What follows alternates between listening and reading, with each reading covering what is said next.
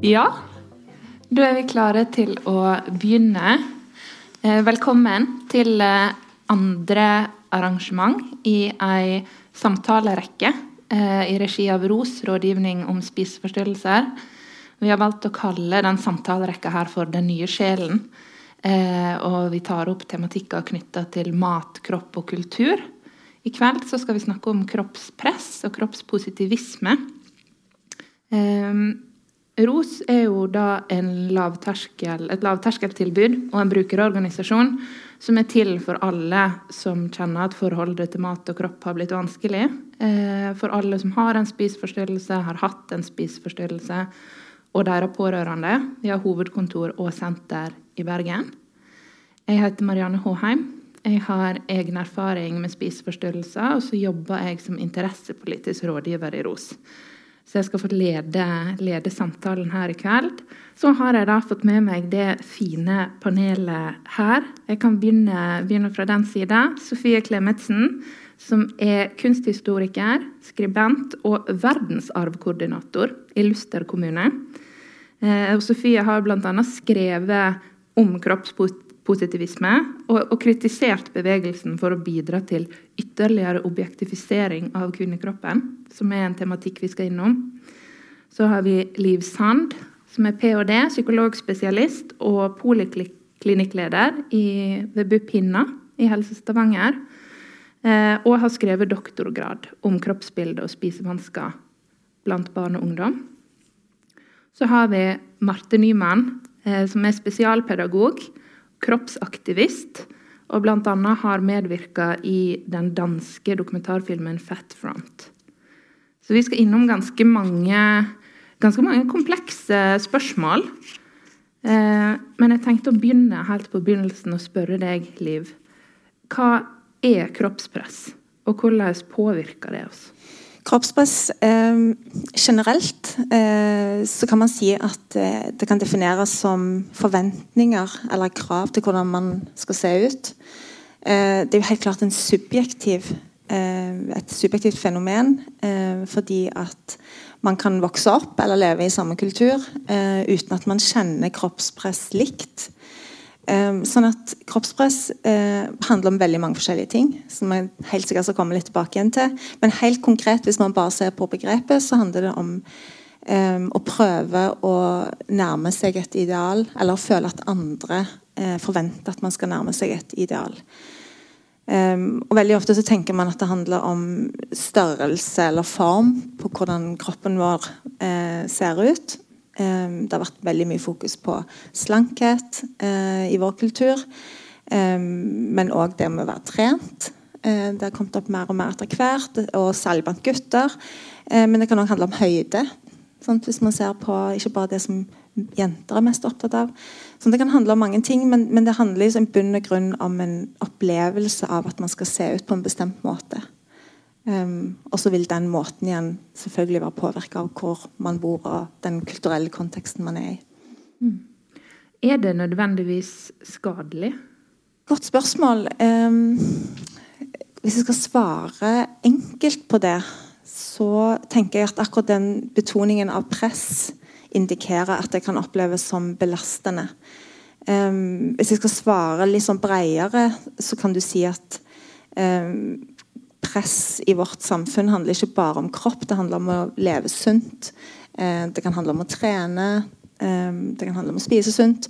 Og Hvis man går inn i den diskusjonen, så blir det litt mer komplisert. For du kan alltid si at det er jo noe sunt ved det. Eller det er noe sunt ved å ta vare på seg sjøl um, og ha en sunn livsstil. Men det er allikevel noe annet enn press. Sånn at jeg vil si at det begrepet nok tar, prøver å ta opp noe av det, mest, det mer skadelige eller negative med, med, det at kulturen vår har såpass tydelige forventninger og idealer i forhold til hvordan man skal se ut. Men så er det òg litt komplisert. Ja. Skjønnhetsidealer har jo alltid eksistert i en eller annen form. Og en kan jo se opp gjennom historien ulike eksempel på folk som har gått til ekstreme lengder for å leve opp til de idealene.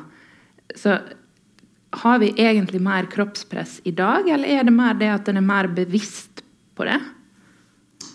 Det er òg et veldig godt spørsmål du har. Eh, og jeg skal prøve igjen å svare hva skal jeg si, ikke kort, men, men prøve å oppsummere litt. Um, for det er lett å tenke at det er bare vår kultur som er så opptatt av det. Fordi kulturen vår nå er relativt kroppsfokusert.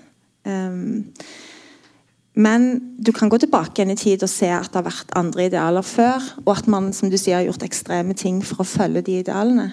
Um, det som kanskje er, som har endret seg, hvis man ser helt konkret på idealene for kvinner, hvis man starter der, er at de har blitt mye mer marginale og strenge um, bare siden type 50-tallet.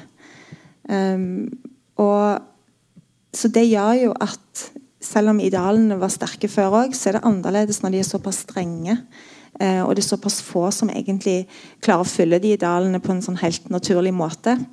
Så det er forskere som har nærmest lagd sånne figurer av hvordan idealene var, og så animert det litt sånn tiår for tiår. Og det er ganske stor forskjell eh, hvis du bare går tilbake igjen noen tiår og ser hvordan mann helst skal se ut som kvinne, eller man helst skal se ut som mann. Nå prøver jeg å si det litt mer enn førstestegn. da.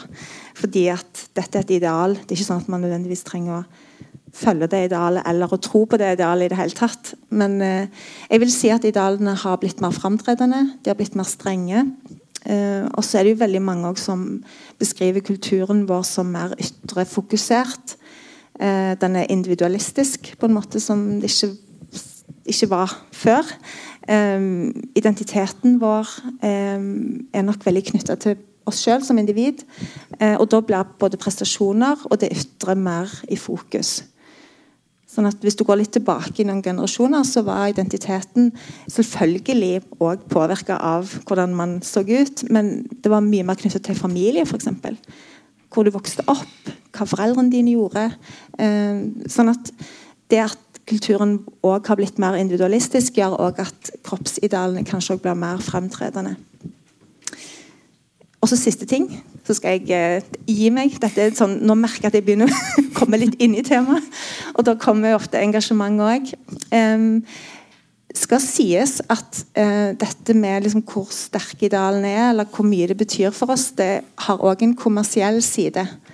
Um, som vi ikke skal være altfor blinde for. Fordi at det er en sånn type forbedringskultur som gjør at vi f.eks. lettere kjøper nye klær eller en annen type sminke eller går og trener, fordi at det hele veien blir kommunisert at man helst skulle vært enda sunnere eller skulle sett litt annerledes ut.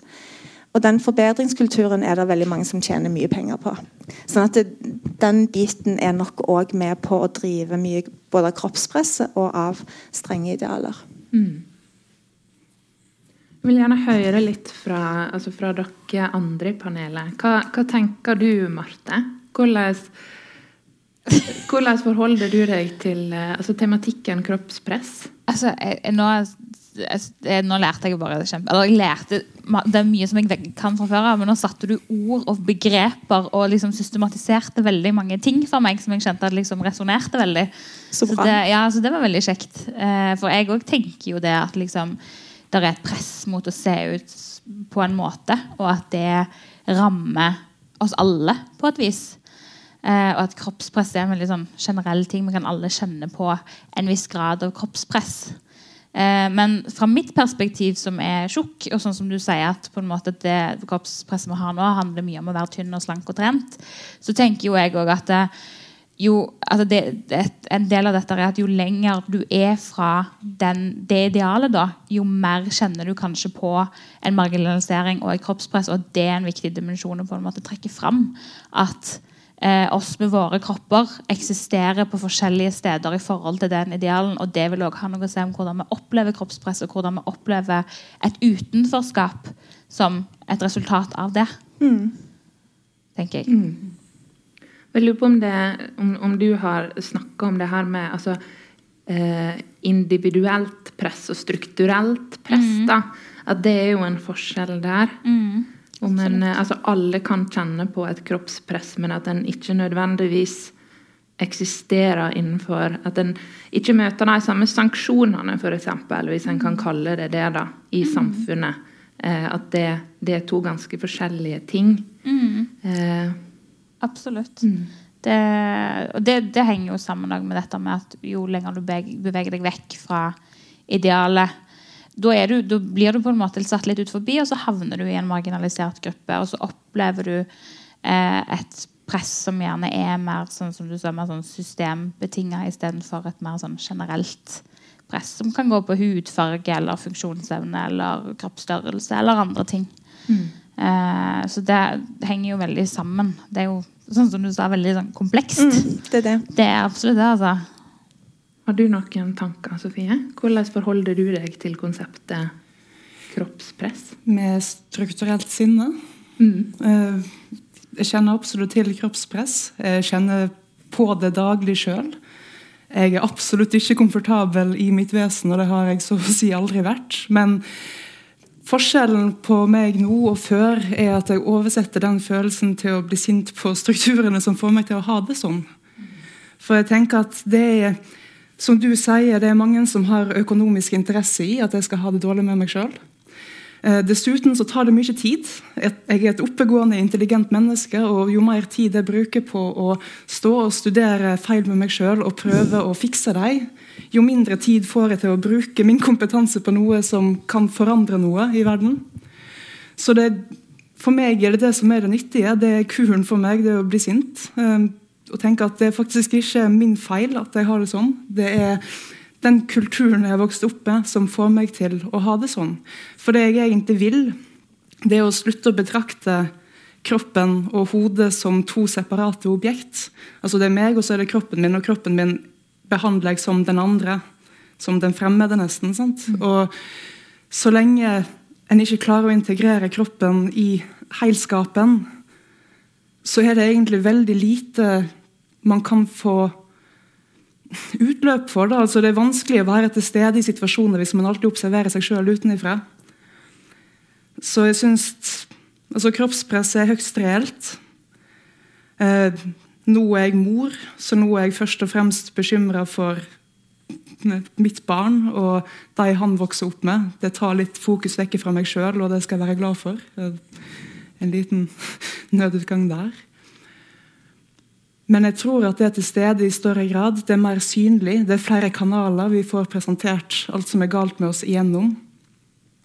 Nå bor jeg på landet, så jeg kan velge å tune det ut litt og heller se på fjellene. Men jeg merker jo når jeg kommer inn til Bergen nå, hvor mange flere visuelle inntrykk det er om alt jeg kan gjøre for å bare bli litt bedre. Altså Den der lille tingen der, gå rundt i de kulissene hver dag det gjør noe med måten en betrakter seg sjøl og andre og verden på. Mm. Og det er ikke godt.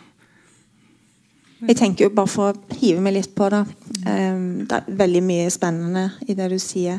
Med liksom hvordan man kjenner seg sjøl innenfra, og hvordan man føler at man enten blir observert eller ser seg sjøl utenfra. Det regner jeg med vi kommer litt tilbake igjen til i forhold til dette med hvordan man kan håndtere eh, den kulturen vi lever i. Men jeg tenker det må nesten nevnes òg den visuelle kulturen som sosiale medier eh, har økt. Da.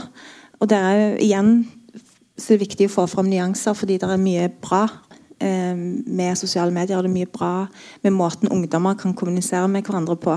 Men det er òg en veldig reell fare for en eksponering av idealer som gjør at man kan kjenne seg mer usikker og kjenne at man er lenger vekk fra idealene. Mm.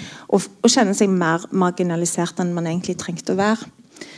Så Det er et eget tema i seg sjøl, men det bør nesten nevnes i hvert fall. At hvis man snakker om kroppspress og kroppsidealer, og hvordan man egentlig forholder seg til egen kropp mer sånn eksistensielt, da, så tenker jeg at det er mange sider av vår kultur vi må ta med. Både det kommersielle, det visuelle. Um, og det forsøket forsøk på å dele opp mennesker i ulike kategorier, som du er litt inne på. Hvorfor, hvorfor gjør man det på den måten? Og jeg tenker også at Det som vi ser i forskning, er jo at den oppdelingen handler ikke bare om størrelse og vekt, og, alle de tingene men det blir knytta til personlige egenskaper òg, som egentlig ikke har noe med det å gjøre, nødvendigvis. Og det tenker jeg også kan underbygge den både kroppspress og en sånn følelse av stigmatisering på et vis. da. Um, for det å på en måte nærme seg idealene på en eller annen måte òg signalisere at man er populær eller suksessfull eller viljesterk eller mange andre ting. Eh, som man fint kan være uten å gjøre det, eller å se helt annerledes ut. Det har jo egentlig ikke en sammenheng sånn, men, men det er igjen noe av det som kulturen på et eller annet vis formidler. da. Ja. Og jeg synes det er litt det her er kanskje en veldig løs teori, men hvis vi ser på klesmoten og kroppsidealet gjennom de siste 100 åra, så ser vi jo at i perioder der kvinnene er yrkesaktive, i de periodene de har vært ute i samfunnet eh, ja, under krigen og ellers òg, så har kroppsidealet vært veldig tynt. Altså Du skal være tynn og du skal ha små, trange klær. Du skal nesten se gutteaktig ut. Mm. Mens i perioder der kvinnene har vært heimegående og det har vært mer fokus på husmorsrollen, så har kvinneidealet vært mer fyldig og mer formfullt.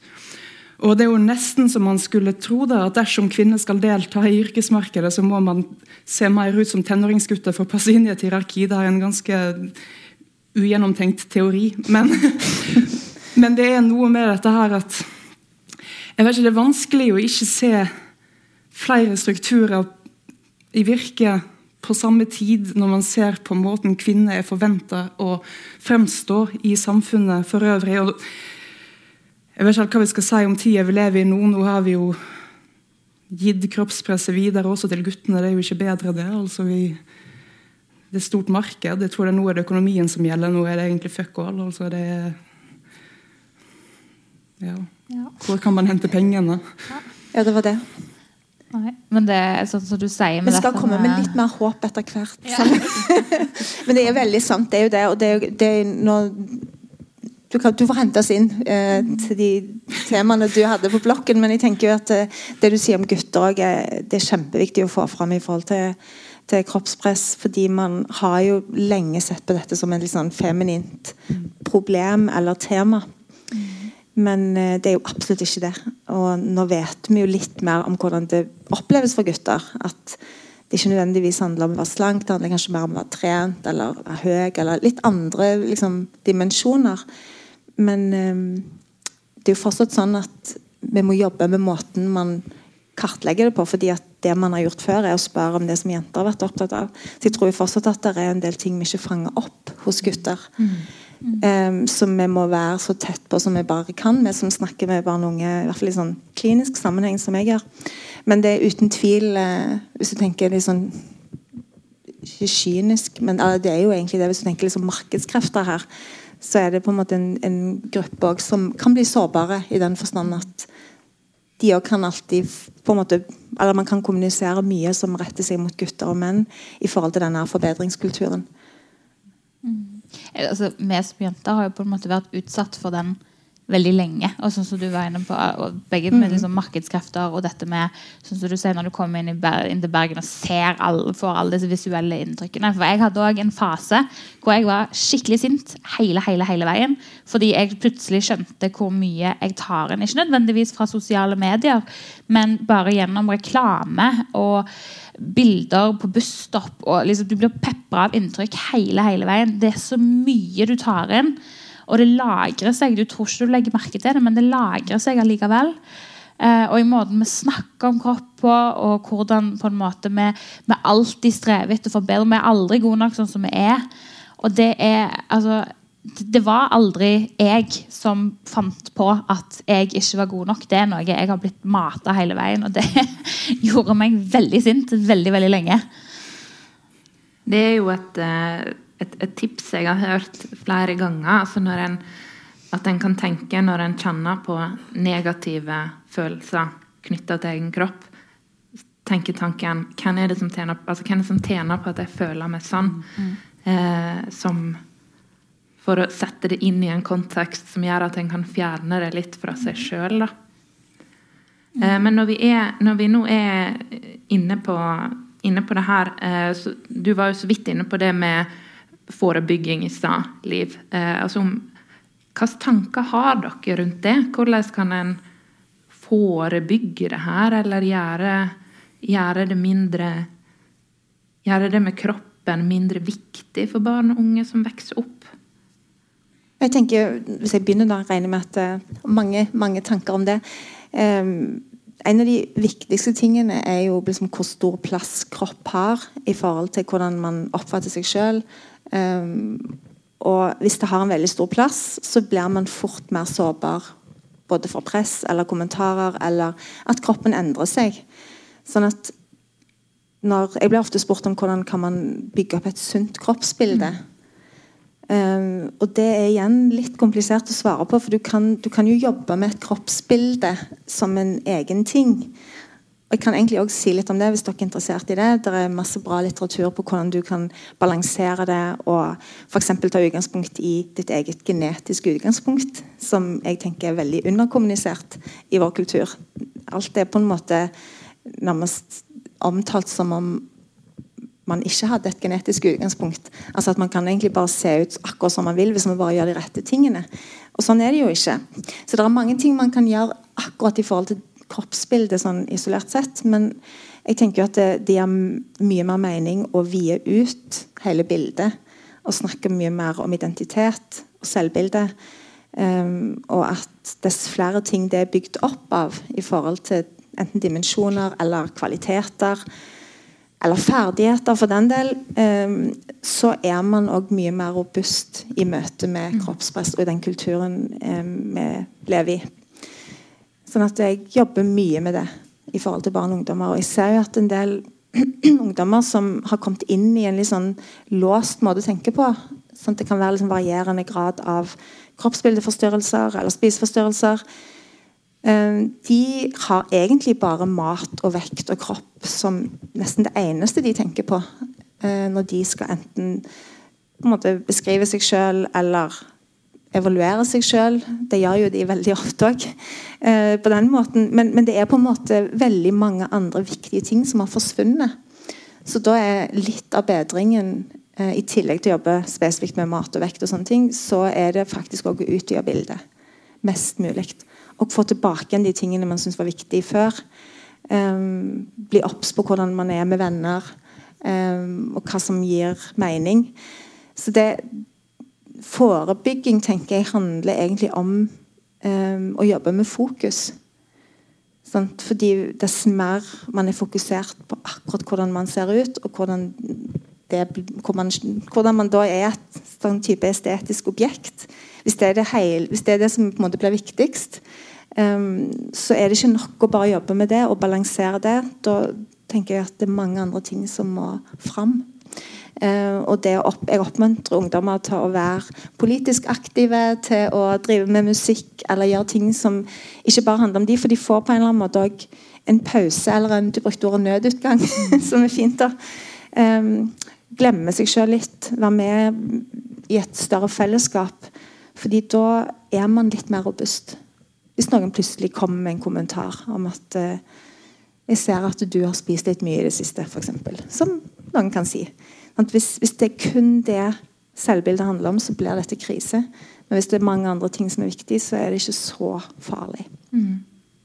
Nei, jeg, jeg synes det, var, det er jo dødsfint, det du sier. Det er kjempe, og Jeg kjenner meg veldig igjen i det, sånn som jeg har jobba med på en måte for et bedre selvbilde sjøl. Selv, og tenker litt mer på liksom, jeg har jo venner. Jeg er, jeg er tjukk, og jeg trodde at på en måte den, det at jeg var tjukk og hadde denne kroppen og så sånn og sånn ut og var på denne, denne måten, at det var avgjørende for hvor jeg, hva jeg skulle i livet. At jeg hadde et potensial som ikke ble oppfylt, og at liksom ingenting kom til å gå min vei før jeg på en måte ble tynn. Men Guri malla, jeg hadde jo venner. Eh, og jeg hadde gode venner og gode vennskap. Eh, og jeg, folk som bryr seg om meg, og folk som jeg bryr meg om. Eh, de slutta jo ikke å være med meg fordi at jeg var tjukk.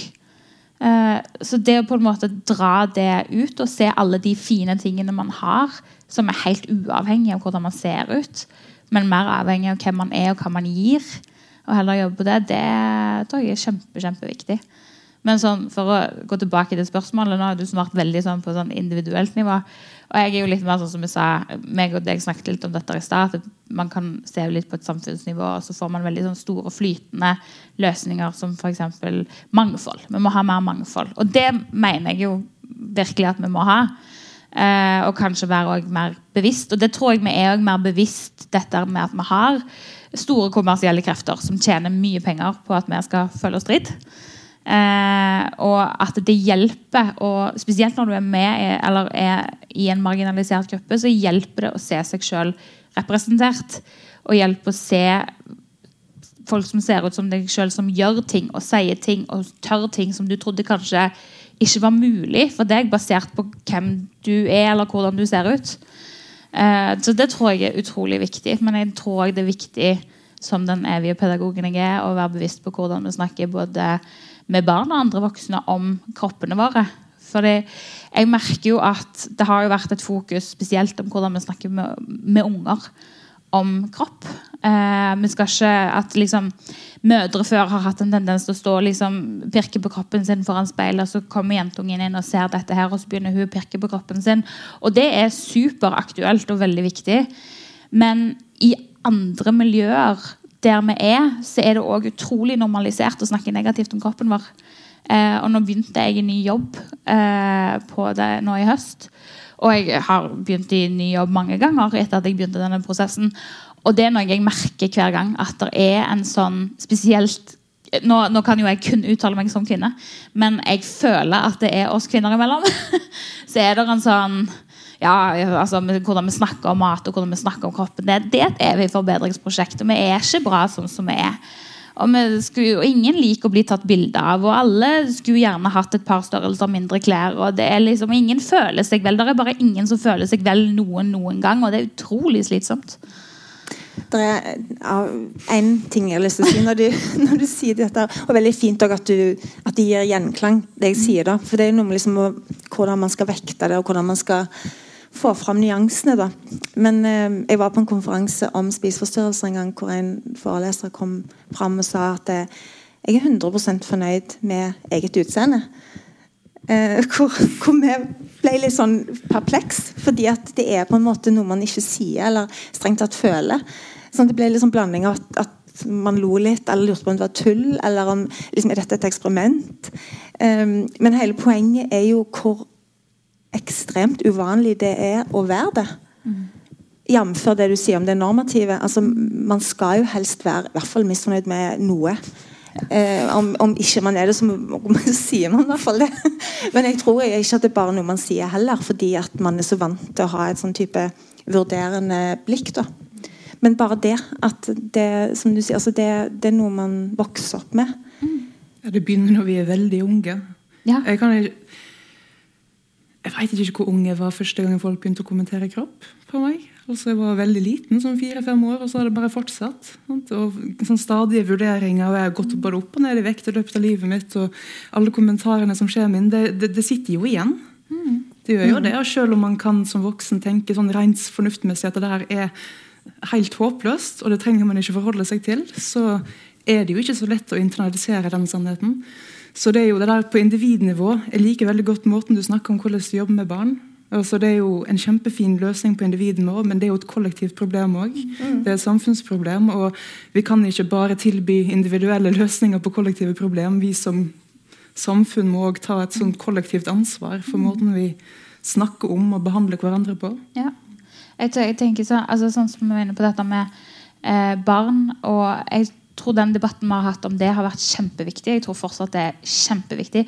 Men som en liten sånn brannfakkel så tror jeg også at det er utrolig naivt å tenke at å, det stopper der. Eh, at vi ikke òg har et ansvar i de områdene, altså de arenaene vi er der vi er bare voksne, eller bare oss sjøl. At det liksom ikke Å nei, men jeg snakker ikke sånn foran barnet mitt, så da er det greit. Det stopper jo ikke der. Vi gir jo signaler med mm. hele vesenet vårt på hvordan vi har det og hva vi gjør. Og altså, jeg tror voksne tror at de er veldig flinke til å ta hensyn til barn, men barn har lange ører. altså, De får med seg alt. Så det, jeg tror også at det er litt den derre at ja, nå gjør jeg dette for barnet mitt, men, men hva gjør du for deg sjøl? Og hvis du ikke fyller på deg sjøl på samme måte som du ønsker å gjøre for barnet ditt, så, så, er det på en måte du går litt i null. Mm. føler jeg. Da gjør du egentlig ikke det du tror og har lyst til å gjøre. Jeg tror at det er mye viktigere å fylle på seg sjøl først, og så la det flyte over til de man er rundt. Og så tror jeg også, I tillegg til det, da, for jeg er helt enig, nå, nå kan vi snakke om dette på mange ulike nivå, mm. men jeg syns det er veldig gøy å snakke med ungdommer om dette. altså sånn som jeg snakker nå. For du, Min vinkling i starten er litt mer sånn hva kan man gjøre hvis man på en måte har et problem med det. Det er jo ofte der jeg er i min jobb òg. At jeg snakker med barn og ungdommer som har kommet der at det, det er ikke greit. Altså De har et ekstremt kritisk blikk på seg sjøl. Så da forholder jeg meg til det og vier ut og balanserer og forstår det sant, på en så helhetlig måte som, som vi, vi, får til på et vis. da. Men, men, det å snakke med ungdommer om den kulturelle siden eh, og få opp deres bevissthetsnivå i forhold til akkurat disse tingene som handler om markedskrefter, eh, om eksponering, om det visuelle bildet som vi får med oss, selv om man egentlig ikke vil. som Du sier, du trenger ikke gå på Instagram for å bli eksponert for i dag. Du kan, du kan bare ta bussen, og så er du der. Det er så kjekt og interessant å snakke med ungdommer, og barn òg, eh, om akkurat dette. For med en gang de klarer å se dette litt utenfra, så er de i utgangspunktet litt mer robust. Um, og veldig mange ungdommer det tenker jeg også en sånn positiv ting, kan også si at hva, jeg ser det, jeg, men jeg vil egentlig ikke forholde meg til det. Det er ikke så viktig for meg. Um, eller jeg prøver i hvert fall så godt jeg kan, og ikke la det bli viktig for meg.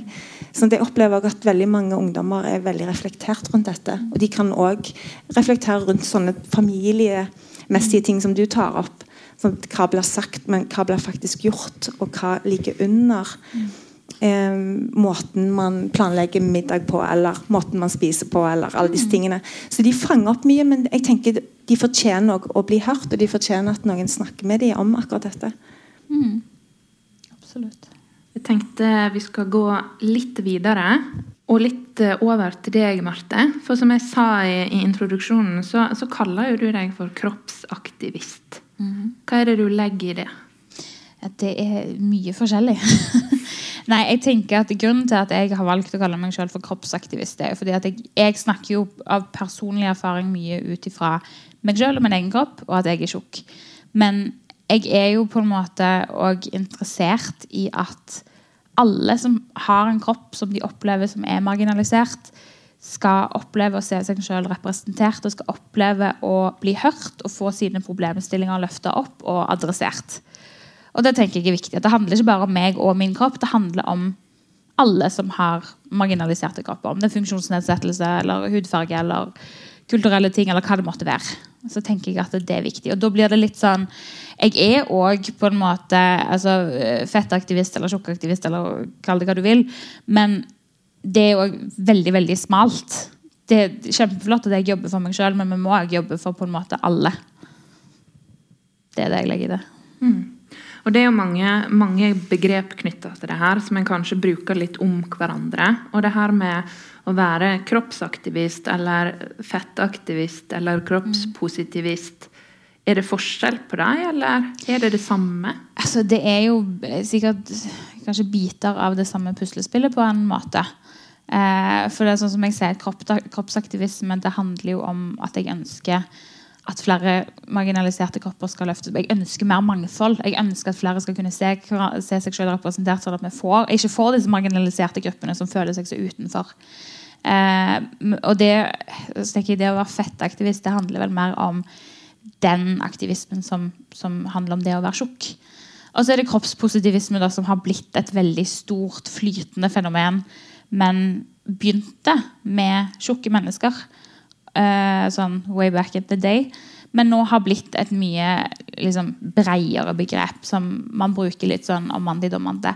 Og jeg, altså, i det miljøet som jeg er i, som, som er på en måte tjukke mennesker, uh, så er det mye blanda følelser rundt det. For man føler at dette begrepet kroppspositivisme har, har, blitt tatt fra deg. Og nå er det mest tynne eller tynnere jenter der. Mens de tjukke kroppene, de virkelig tjukke kroppene, de som havner ganske langt ut forbi idealet, de blir fortsatt liksom skvisa ut og tilsidesatt.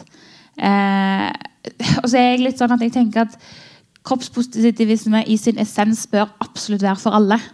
Eh, men det må balanseres med denne aktivismen. Da, at liksom man, man, skal løfte fram marginaliserte kropper. Og det er det som er problemet, for det er det som ikke skjer i dag. Det er mindre marginaliserte kropper, altså kropper som er mye mer i mainstreamen, som på en måte skviser ut de som egentlig trenger å være der mest. Og det fører til en del konflikter og bitterhet og vonde følelser. For du blir bare skvisa ut fra din egen plattform igjen og igjen og igjen. Det er veldig uheldig. Ja, det er veldig uheldig. Det her var jo en stor debatt i, i sommer, tidlig i høst, om, om nettopp det her med kroppspositivisme og spesifikke hashtagger knytta til det, og hvem, hvem de her rommene er til for, og skal være til for. Da. Om det er noe som hører, hører det faktisk til alle, eller skal en på et tidspunkt eller si at her, her får ikke du komme inn. Sant? Eller det her er ikke til for deg, da. Eh, og det er jo òg veldig interessant eller å se på i lys av det her med hva er, hva er individuelt opplevd, og hva er strukturelt, da. Eh, Absolutt. men du snakka jo om det, viktigheten av å se seg sjøl og sin egen kropp representert. Og det er jo noe som, som du sjøl har, har opplevd som viktig i ditt liv. sant? Absolutt. Eh, Kan du si noe om hva det betydde for deg å oppdage de her kroppspositive rommene? Det, det har nok endra livet mitt eh, sånn totalt. For alltid. Eh, og det var jo en liten sluk ned på Instagram, og så var det én konto inntil den andre. Og så med jenter som, som ikke ser ut som de idealene som du ser overalt. Og så tenker jeg liksom Gud, kan de legge ut bilder av seg sjøl? Er det greit? De kan jo ikke det. Det er jo ikke lov. Og så må jeg jo ta en sånn liten refleksjon med meg sjøl. Men hvem er det egentlig som har sagt at det ikke er lov? Og hvorfor sitter jeg hjemme i stua mi og, og dømmer disse kroppene nord og ned? og det har vært en ganske lang prosess for meg også, med å på en måte akseptere at altså, akseptere, men også ta vekk den der liksom forutbestemtheten om at visse kropper ikke skal få lov til å ta plass. Eh, at visse mennesker som ser sånn og sånn ut, ikke skal få lov til å ta plass. At vi ikke skal få lov til å tro at vi er noe. Sant? Den klassiske janteloven. Eh, men det, det har vært en ganske lang prosess for meg. Eh, jeg leste et intervju med Tess Holiday. Det er sikkert noen som vet hvem det er, men hun er en veldig kjent modell. Eh, og hun er veldig tjukk. Og når jeg leste det intervjuet, så satt meg og venninna mi og tenkte liksom Dette er ikke bra. og dette, Nei, dette har gått for langt. Nå, nei, dette er ikke sunt. og dette, Nei, nei, nei. nei. Eh, og så leste jeg intervjuet hvor hun bare svarte på liksom alle kommentarene vi hadde hatt, og jeg ble jeg skamma meg der jeg satt. og bare, å Gud. Så det var liksom etter det at jeg har le, altså blitt liksom utsatt for andre tanker enn det jeg har vokst opp med. Jeg har lært meg å på en måte sånn som har snakket om, plassere disse markedskreftene et sted og skjønne at det er det som skjer. Eh, og skjønne at jeg kan bruke Instagram for å veie opp for det. Jeg trenger å se eh, jenter som ligner på meg. Eh, jeg trenger å se jenter som ligner på meg, som, som, de, som, som viser at de kan ta plass, som tror at de er noe, som tør å gjøre ting som jeg ikke trodde at jeg kunne gjøre. Eh, og nå, altså Tjukke jenter som eh, driver med pole dance og bare klatrer opp en sånn stang og står på hender. og jeg bare sånn, Nei, gud, kunne vi det? Ok, For det, det har jeg aldri sett. Så dermed så har ikke jeg trodd at det var noe som noen gang kunne vært oppnåelig for meg. Og det er litt sånn, Jeg tror det er litt sånn mennesker fungerer òg. At når noen setter deg i en bås, og, og du blir fora med informasjon om at men du kan bare gjøre sånn, og du kan bare gjøre sånn, og du kan ikke gjøre dette, dette og dette, så tror du på det. Og jeg trenger å se at det er mulig, for å tro at det er mulig.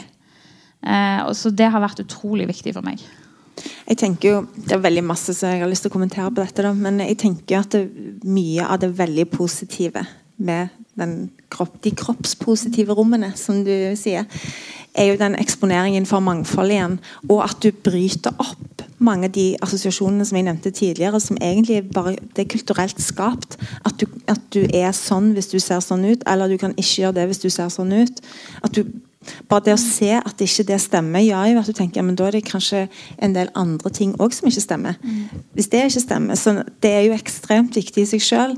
Eh, og så kan man jo samtidig tenke at det er jo synd at det trengs i det hele tatt. Sånn, så Egentlig skulle man ønske at man ikke trengte verken kroppsnegative eller positive rom. At, det, måte, at vi var liksom forbi det. Men, men vi er jo ikke helt det. Så jeg tenker jo at i den grad det trengs, så bør det være der. Men aller helst så skulle man jo bare hatt rom som, hvor kropp var en del av det, men ikke at det var så framtredende. Men, men når ting er som det er, eller det har blitt så ekstremt, så tenker jeg at det er viktig og så kan man liksom tenke litt på sikt at man kan tone ned eh, alle de tingene som vi nå prøver å bryte opp. Men, men bare det du beskriver, sier jo at det har absolutt vært et behov for det. Mm, jeg tror det er en prosess òg. dette var så utrolig viktig for meg i mange år å se disse jentene på en måte utforske dette og få denne inputen. Eh, og kroppen min gikk fra å være på en måte for Sånn som du har snakket om at når det bare handler om kropp, så blir du veldig sårbar. Mm. Og sånn hadde jeg det veldig lenge med at jeg var utrolig bevisst på at jeg ikke passet inn. Og veldig redd for at folk skulle se egentlig hvor tjukk jeg var. og det var veldig Kroppsspråket mitt var helt her. Men gjennom dette her så fikk jeg altså jeg satte kroppen min i sentrum på en helt annen måte. Og i denne prosessen så har òg kroppen min slutta å være så veldig viktig. Den, jeg føler meg som et mye mer helhetlig menneske nå. Og kroppen min er fin og flott, og av og til så er han ikke så fin og flott. og det er litt sånn opp og ned. Men jeg er et mye mer helhetlig menneske, og jeg har ikke det samme behovet nå som jeg hadde da for å på en måte få dette inn. av og til. Det er veldig fint å skrolle gjennom Instagram og av og til oh, dette var kult. Men det er ikke det samme grunnleggende behovet jeg har. Jeg kan senke skuldrene på en helt annen måte, og det er ganske fint. Ja. Kanskje du har litt samme prosess som samfunnet trenger? Ja. Hvis du kan trekke litt sånne paralleller. Hva slags type tilbakemeldinger får du? Du, jeg får eh, omtrent utelukkende positive. Eh, når jeg begynte på en måte med altså Jeg begynte jo med min egen Instagram-konto. Og så var jeg med i denne filmen. Og da hadde jeg et par runder på om hjelp, skal jeg gjøre dette her? Jeg, kommer til å få så mye dårlige tilbakemeldinger. Jeg, det, kommer til å bli så mye hat og så mye dritt.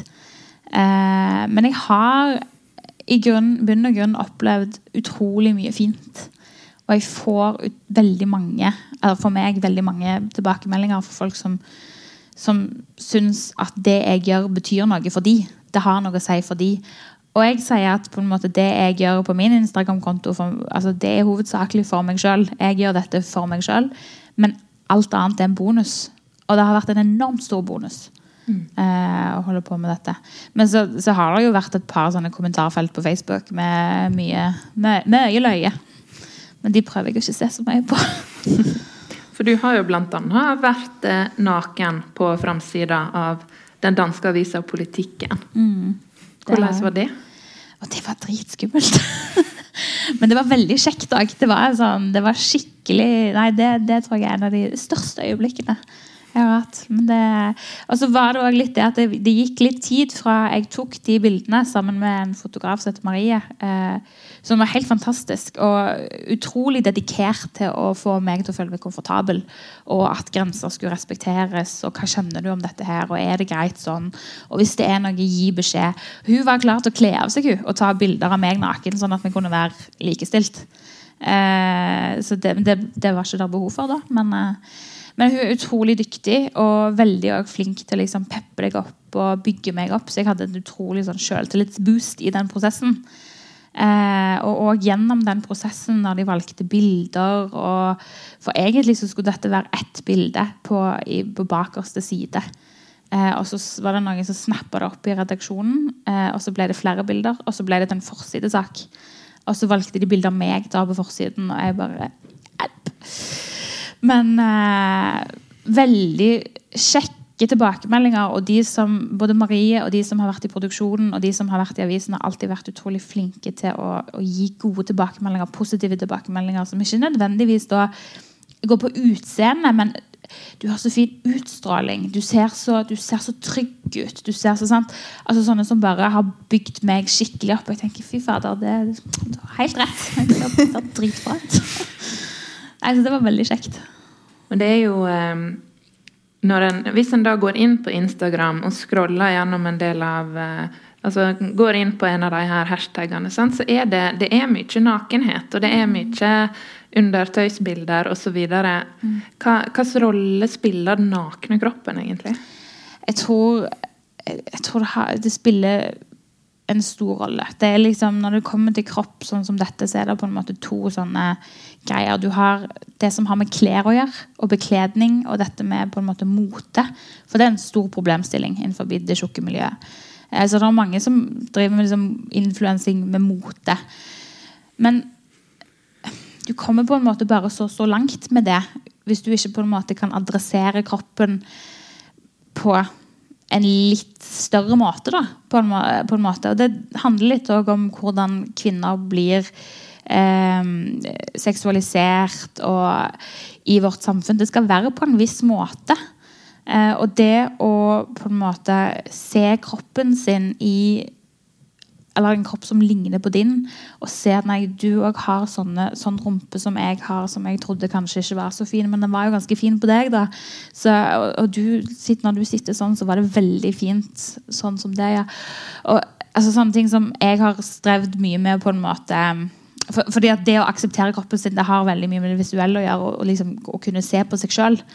Men det er veldig vanskelig å se på ryggen sin. Så det å på en måte komme til det stadiet hvor du begynner å jobbe med å akseptere at du har sånne backrolls og litt sånn fett, og sånne ting, det tar ofte litt lengre tid. Men det å kunne se på andre som legger ut bilder av seg sjøl og av en nakenkropp og bare synes at de er helt fenomenale Ikke nødvendigvis seksualisert, men, men kanskje, eh, kanskje en anelse av seksualisering òg. Hvor man ser at oi, jeg som tjukk kan òg ha min egen seksuelle agenda og liksom være ha en liksom begjær og, og, er et helhetlig menneske på den måten òg. For det visste jeg heller ikke at jeg kunne være. Nobody told me. Og nå er vi jo litt sånn inne i kjerna kanskje av din, din, kritikk, Sofie. For du har jo som sagt kritisert den kroppspositive bevegelsen og meint at uh, kroppspositivismen er et sidespor. Ja, og da har jo jeg sett på dette her med et feministisk blikk. Og min feminisme er kollektivistisk. Um, og det jeg ser på, og min, ja, den linje feminismen ser på som hovedutfordringen, det er vold og undertrykking av kvinner. Og den har bl.a. en seksualisert form. Og veldig masse av de bildene som var under den kroppspositivistiske hashtaggen eh, for, ja, Det er noen år siden jeg skrev den eh, til blogginnlegget nå. Eh, var nettopp det. Altså Det var seksualiserte bilder i undertøy som blir tatt i samme stil stort sett som de litt sånn halvpornografiske, mjukpornografiske bildene av de tynne kvinnene. Og For meg blir det en måte å si at vi vil at flere kropper skal få lov til å bli objektifisert. Vi skal utvide rommet for objektifisering til å romme flere typer kropper enn den tynne standarden. Og Da mener jeg at det blir et sidespor. Samtidig så ser jeg absolutt poenget i det du beskriver. og Jeg har også sett på, eller følt på det sjøl, den friheten som kommer i å se noen andre føler seg trygg i en kropp som ikke passer inn i formen. Så jeg tror ikke at det er et bortkasta prosjekt. på ingen måte. Og jeg er enig med deg at jeg skulle ønske det var unødvendig. Fordi det er mye fokus på kropp. Og jeg ser frem til et samfunn der vi kan få lov til å bare være mennesker og ikke tenke på hvordan ryggene våre ser ut. Eller noe del av oss ser ut. Altså, jeg tenker jo litt på hvordan dere ser på meg nå. altså Hvordan ser jeg ut her jeg sitter i sofaen? Men, liksom, sånn, altså, jeg har gjerne lyst til å slippe det. Og da tror jeg at vi må løfte fokuset litt bort fra hvordan kroppen ser ut, og den, heller løfte over til hva den kan få til. Fordi at mennesker er kapable til å velte ganske store fjell hvis vi bare bruker kropp og sinn som enhet til å skape forandring. Og det tror jeg ikke vi gjør så lenge vi sitter og tenker på hvordan vi ser ut. Men jeg har mjukna litt på kroppspositivisme med året. Jeg følger noen kroppspositivistiske kontoer på Instagram og synes det er en del viktige refleksjoner som kommer der, om hvordan verden møter en, og hvordan man sjøl står imot det. For det er relevant for alle, tenker jeg, uavhengig av hvordan man ser ut. Det der, eh, ja, de kategoriene som du har snakket om, hvordan man blir definert som noe annet enn normen, og det er viktig å få frem. Men eh, jeg har vel egentlig lyst at vi kan legge alt dette her bak oss og gå videre og bare ha en kropp. Så nakenhet er topp, virkelig. Eh, noen av de viktigste arenaene jeg begir meg ut på i hverdagen, det er garderoben når det er svømming med familien i Jostedalen, der jeg bor. Der jeg tenker at min rolle der er å være kvinne på 33 med litt løs mage og hengende bryst og hår på leggene under armene. Og være komfortabel der jeg går rundt blant de yngre jentene og tenåringsjentene som er der sammen med meg, og de små guttene som er der med mødrene sine. Eller badstua, der vi bare sitter sammen etterpå og har kropper. Men det er ikke det som er poenget. Vi sitter og snakker om livene til, med hverandre og er tilfeldigvis nakne mens vi gjør det. Den type nakenhet heier jeg på. Den nakenbadingen som skjer når alle familiene er på fjelltur, og det er varmt og det er et tjern der som man kan hoppe ut i. Altså, Få lov til å være komfortabel i kroppen på den måten, da, uten at noen skal betrakte en i prosessen, der man ikke må være oppmerksom på den andre sitt blikk hele tida. Samtidig så tenker jeg at det, det du sier der med garderoben, for det, det anbefaler jeg veldig mange som jeg snakker med, mm. som strever med dette, og som har fått et altfor strengt og kritisk blikk. Og, og, som på en måte gjentar det i hvem de følger på Instagram eller andre steder. Jeg anbefaler de å gå og svømme. Eller ta badstue hele veien. Så det er bra at det er noen voksne der. Eh, andre enn de sjøl. Men, men, det handler jo om at de får en naturlig eksponering for variasjon. Sant? Som ikke alltid er der i en verden hvor man egentlig leter etter noen som er enda tynnere, eller et eller annet. Mm. Eller kan være enda større òg. Det kan jo være ut fra hva man trenger. på et vis. Men uansett så er det ikke en naturlig variasjon eh, i en, si, en, digital verden. Så det å, ha den type eksponering som du snakker om, som er naturlig, hvor man ser at egentlig så er, ingen er jo like. Og så kan man da, når man liksom har kommet litt mer inn i den prosessen, kanskje òg heve seg litt over at hva, liksom, hvor viktig er det? Eh, og hvor mye trenger man det? Men jeg tror veldig mange trenger fortsatt den type eksponering da, for variasjon som kan komme på, i badstue eller eh, på et kroppspositivistisk rom. Ja. Fordi, og det er jo fordi at det er noe man mangler i utgangspunktet. Og så er jeg veldig enig med deg at det, strengt tatt eh, så skulle man jo ønske at det ikke var sånn, men, men det er jo litt sånn det er, da. Men jeg, sånn, det du sa med liksom, det, når du fant denne hashtagen og ser disse damene som står og er posert sånn og sånn og sånn Jeg tror du har helt rett. Jeg tror det handler om, om at man har lyst å òg ha plass i denne liksom, populærkulturgreia. Vi vil òg være med. Vi er gode nok til, til å gjøre dette her. Eh, vi vil òg vise at vi kan, kan, være her og ta plass på dette rommet. Og så er jo spørsmålet om er vi egentlig tjent med å ta plass på dette rommet. Og det er ikke sikkert vi har reflektert veldig mye over i det øyeblikket vi gjør det. Men det er en driv til å, å ville være med sånn som vi er òg, da. Men jeg tror du har et veldig godt poeng, for det er ikke sikkert vi er tjent med på en måte egentlig være der in the long run. Men jeg tror det drivet sitter ganske dypt i oss alle. Altså. Mm. At det, det, er et ganske basisk driv egentlig å ville bli bekrefta av mm. verden utenfor. Så jeg forstår det veldig godt. Jeg bare skulle ønske at også disse tynne jentene kunne ha liksom, latt være å måle sin verdi i kroppen sin så mm. ofte som det gjør altså Instagram ble til en veldig ubehagelig plass på et tidspunkt. Synes jeg. Altså, det var veldig masse mange rumper i fokus og i det hele tatt i alle slags former og format. Så akkurat nå så har jeg en veldig snever Instagram-konto som begrenser seg til venner og familie og noen som, som jeg synes det er verdt å følge utenfra. Altså Jeg måtte virkelig ta og skjerme meg sjøl, fordi at det ble mye. Jeg er veldig lett påvirkelig av sånt. Og det gjelder også når jeg ser på større kvinne som poserer, som jeg tenker at wow, du ser flott ut, og så sitter, her, sitter jeg her og klarer ikke å se så bra ut uansett hva jeg prøver.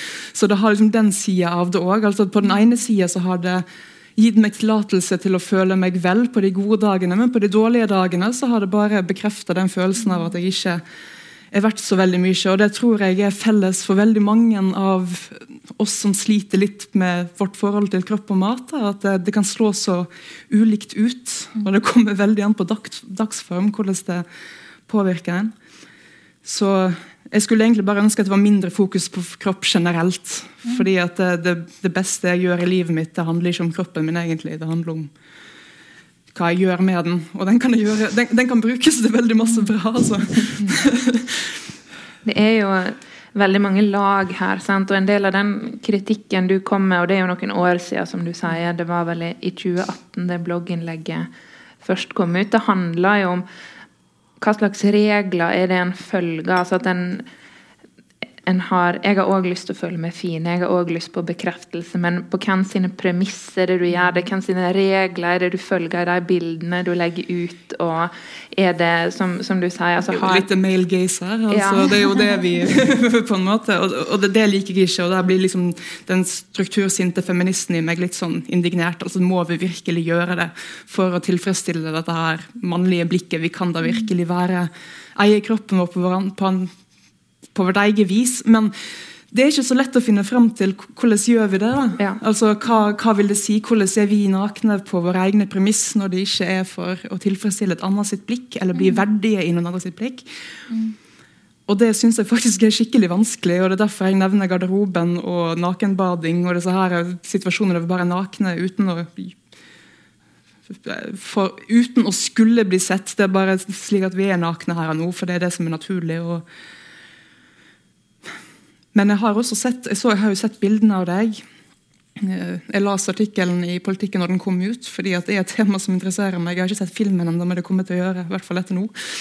Eh, og de synes jeg jo altså, De er ikke seksualiserte på det viset som jeg har et problem med. Jeg syns de var flotte. altså Det er rent estetisk vakre bilder. Det er flotte linjeformer. Det, det, det er god kunst, liksom.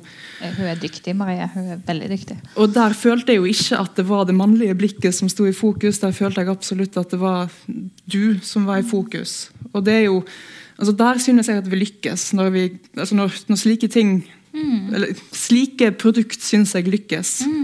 Men det er langt imellom det. Ja. Jeg ser eh, når jeg holder på å didle på Instagram og folk jeg følger, og, og gjennom min egen prosess eh, For jeg vet jo at på en måte uansett hvor langt jeg kommer, så er jeg alltid noe å jobbe med. Og litt, og det er litt godt å ha noe å strekke seg til òg. eh, og jeg merker jo med meg sjøl når jeg tar bilder, at det liksom så skal vi stå sånn, og så blir det sånn, og så blir det fint sånn. Og, det? Og så, men så skal jeg ha en liten prosess der, men så skal jeg ikke nekte meg det heller. For det tror jeg heller ikke er spesielt konstruktivt. Eh, men etter hvert så jeg følger flere og flere kvinner på, på Instagram, og så merker jeg at jeg dras veldig mot de som på en måte utfordrer meg litt. Og jeg merker at det å stå sånn posert, det, det utfordrer meg ingen- Det syns jeg er fryktelig kjedelig.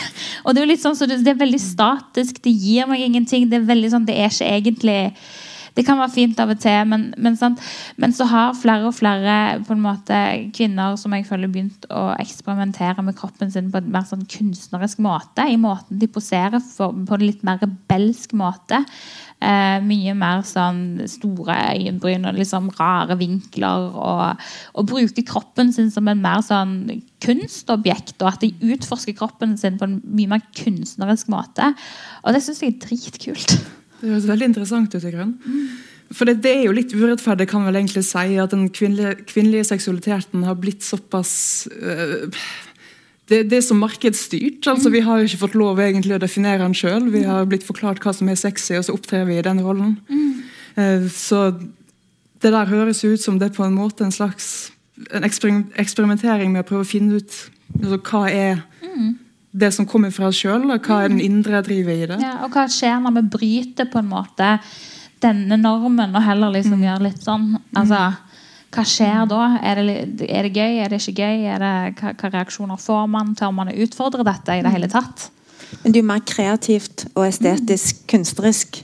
Så det, det er jo en helt annen dimensjon, tenker jeg, enn den her litt mer strenge, låste formen. Det høres ser kult jo- ut. Ja. En ser jo at på en måte At rammene har jo utvida seg litt sant, med åra. At en, en, en ser et større mangfold liksom litt og litt, og en blir eksponert for flere typer kropper.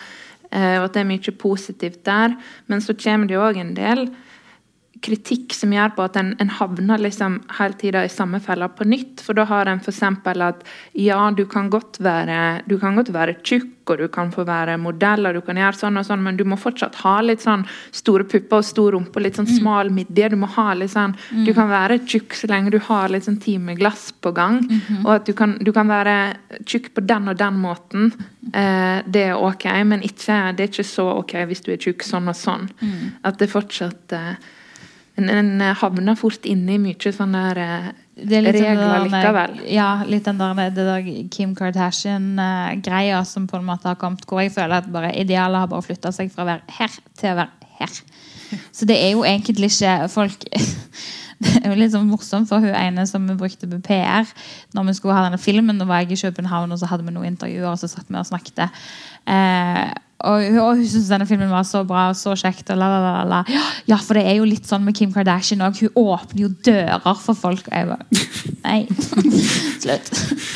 det, det, er ikke, det, er ikke, sånn vi vil ha det. Vi vil jo ikke ha det sånn at det er det, du skal være sånn og sånn og så sånn. Og ikke sånn, sånn eller sånn, og ikke sånn, sånn eller sånn, og ikke sånn, sånn eller sånn. Du, du skal kunne være på alle måter. Og i alle liksom, retninger. Og i alle settinger. altså ja. Den dagen liksom, vi får en tjukk sportskommentator liksom, som står der og leser opp nyhetene, altså når det bare er normalt, når ingen syns det er rart at det er folk i alle former og funksjonsgrader mm. som fyller disse her rollene som er synlige for oss alle. For jeg tror det er litt der vi har å gå på enda. Jeg syns filmene, En del filmskapere har blitt flinkere til det og så utvide normen for hva som er akseptabelt for en skuespillerinne eller en skuespiller i filmene sine. Men det er langt ifra godt nok. Eh, men altså vi har fremdeles ganske sånn smale krav for hvem som får lov til å fylle TV-ruta vår. For eksempel. og jeg tror at der står det, Det er en viktig arena der man kan normalisere å ha en kropp. Mm, på, altså, Aldri kommet på det med sportskommentator, egentlig, men eh, når du sier det, så er det jo mange sånne roller på skjermen eh, som handler om alt fra å være programleder til sportskommentator, eller være en person som, som, Det er jo ikke bare det å kunne gjøre den jobben, men, men, det er jo noen som har valgt at det skal se sånn ut på et vis. Så det er litt sånn som du sier, altså man, man kan liksom Hvis man først blir bevisst på dette, så ser man det ganske lett. Um, og da ser man jo at ok, det er mye som skjer, og det er mye motkrefter. Det skal virkelig sies. Mm. Um, men det er fortsatt en ganske lang vei å gå, da. Mm. Men hva Nå skal vi snart begynne å uh, samle trådene litt før vi åpner for spørsmål. Men, men altså, hva, hva, tenker dere? Hva, hvordan kan vi gå fram for å skape aksept for flere typer kropper? Er det er kroppspositivisme den beste veien å gå, eller er det, er det andre ting vi kan gjøre? Jeg syns vi skal kjempe imot denne pornofiseringen av det offentlige rommet. Altså det, få vekk litt av fokuset på kropp overalt. Altså reklame på store skjermer rundt. Uh, jeg syns vi må jobbe på flere plan. Jeg tror kroppspositivisme er én vei som absolutt fortjener å bli gått. Men NRK må tenke på hvem de ansetter, TV 2 må tenke på hvem de ansetter, vi må tenke på hva vi tillater av reklame i det offentlige rom, vi må tenke på hvordan musikkvideoer og filmer og alt presenterer for barna våre, og hvem som skaper de, og legge press på de som skaper de, og at vi ikke nødvendigvis selger alt med kropp hele tida, for det er fryktelig slitsomt og destruktivt. Jeg tenker jo òg det at um det er mange ting som skjer nå som er positive, men, men jeg tror på en måte den dreiningen med, fra kropp til andre ting. For det er akkurat som det blir litt, sånn, litt tomt når vi skal si at ja, hvis ikke vi har så mye fokus på kropp, hva, hva skal man da snakke om? Så vi, vi, må på en måte tørre å gå litt inn i det. Hva er det man syns er viktig hvis ikke utseendet er så viktig? Altså, da, da, er man jo mye mer inne på personlighet og kvaliteter i forhold til andre mennesker. Eh, hva, Hvorfor er det kjekt å være sammen med noen? Altså, det er ekstremt sjelden at, at, man sier at det er fordi at du ser sånn og sånn ut. Det, det, det er jo helt absurd når man liksom spør om det på den måten der. Så jeg tror vi må snakke om andre ting. Eh, verdsette andre ting. Um, fordi det, det vil òg gjøre at det med kropp Det kan godt være at det lever sitt eget liv en god stund til, men da, da får det iallfall litt mindre plass. Mm. Um, og så var du litt inne på dette med andre måter å forholde seg til kropp på. Altså det har jo kommet fram veldig mye i fagfeltet at det blir på en måte feil å ikke snakke om kropp òg. fordi det er jo en, helt klart det er jo en del av oss. Men måten, eh, at man kan gå litt fra det estetiske til mer hvordan kroppen føles, hva man kan bruke den til. Altså hva, hva er det min kropp er god til, eh, som er annerledes enn din eller din. Sånn, at Det er også et helt annet språk, og det bruker vi egentlig ganske lite. Jeg tenker også i forhold til barn og unge, så at de får et mer sånn indre forhold til hva um, hvordan de kan ta vare på egen kropp. da. Fordi at Dess mer man har kontakt med det, dess mer vil man jo kjenne etter. Hvis kroppen trenger å hvile eller bevege seg eller springe eller bare sitte stille. Så det, det er òg en mulighet der for å finne et litt annet språk. da.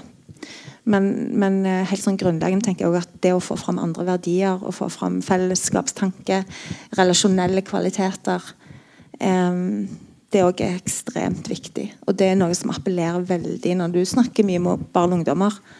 Og de kan jo si, eller det vil si, Jeg kan av og til spørre de, sant, hvis, hvis de har veldig snevert syn på seg sjøl akkurat her og nå, og, trenger litt hjelp til å komme ut av det, så, så kan jeg av og til hjelpe dem litt med å si men hva, hva vil kjæresten din si om deg, eller bestevenninnen din, eller kompisen din, eller foreldrene dine? Mm.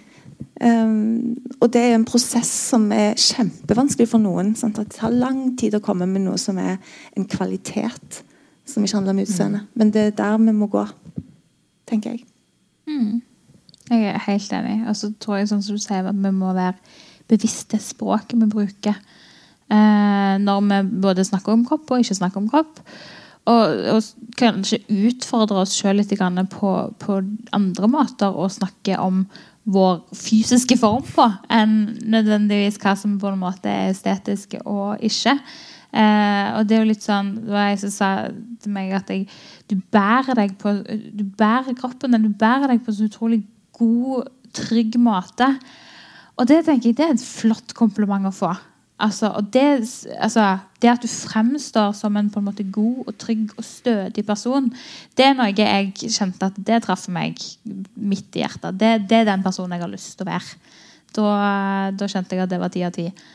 Men, eh, men, det er det, og så er det på en måte òg dette med altså jeg tror jo, Selv om jeg har lyst til å slutte å, fokusere på kropp, så tror jo jeg også at hvis du er på et sted der du har et veldig negativt forhold til kroppen din, så tror jeg at det er en god øvelse og det å prøve å, å lære seg å akseptere kroppen sin og sette kroppen sin litt i fokus. Og, la, og være snill med kroppen sin. Og være litt bevisst på egne tanker og tankemønstre og, og jobbe litt for å endre det.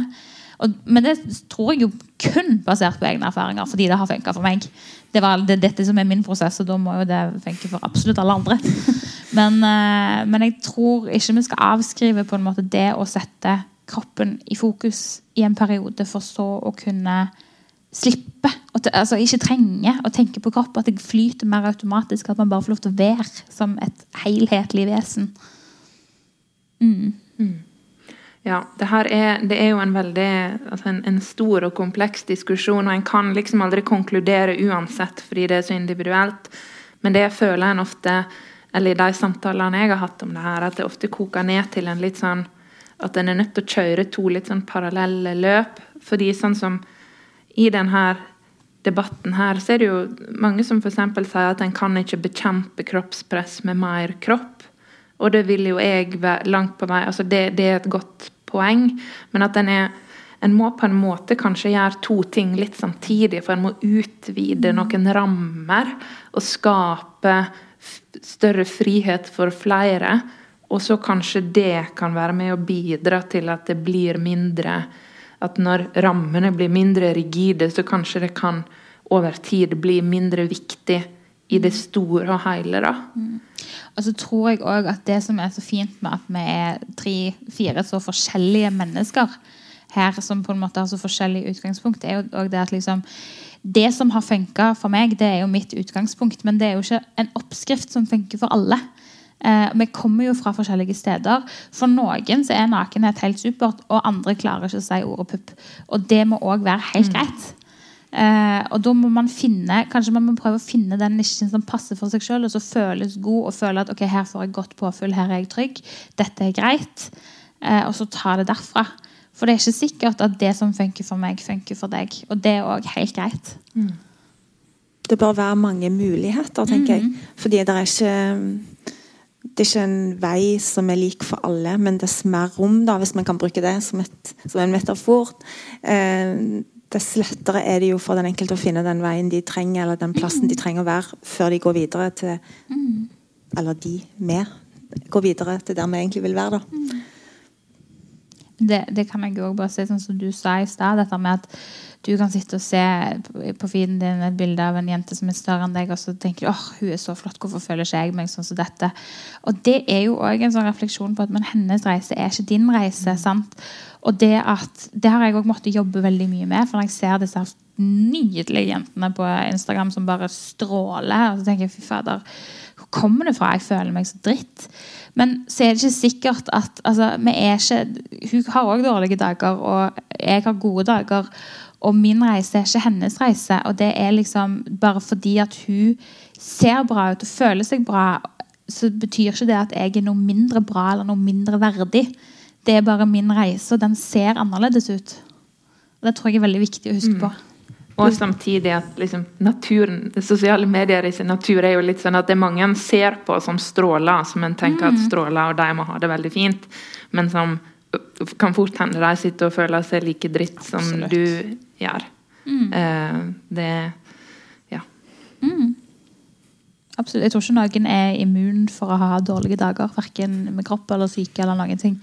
De menneskene finnes det ikke. Det er litt viktig å huske. Det er det, og det viser ikke alltid på bilder Nei. om du har en god eller dårlig dag. Det gjør ikke det, altså. Jeg tror at det, det faktisk får være siste ord, for nå er vi nå er vi så få Nå har vi to minutter igjen her, så da tenker jeg at vi runder av. Jeg vil si tusen takk til dere som kom og hørte på.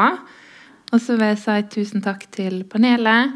Sofie Klemetsen, Liv Sand og Marte Nyman. Tusen takk for at dere kom, og for en veldig fin samtale.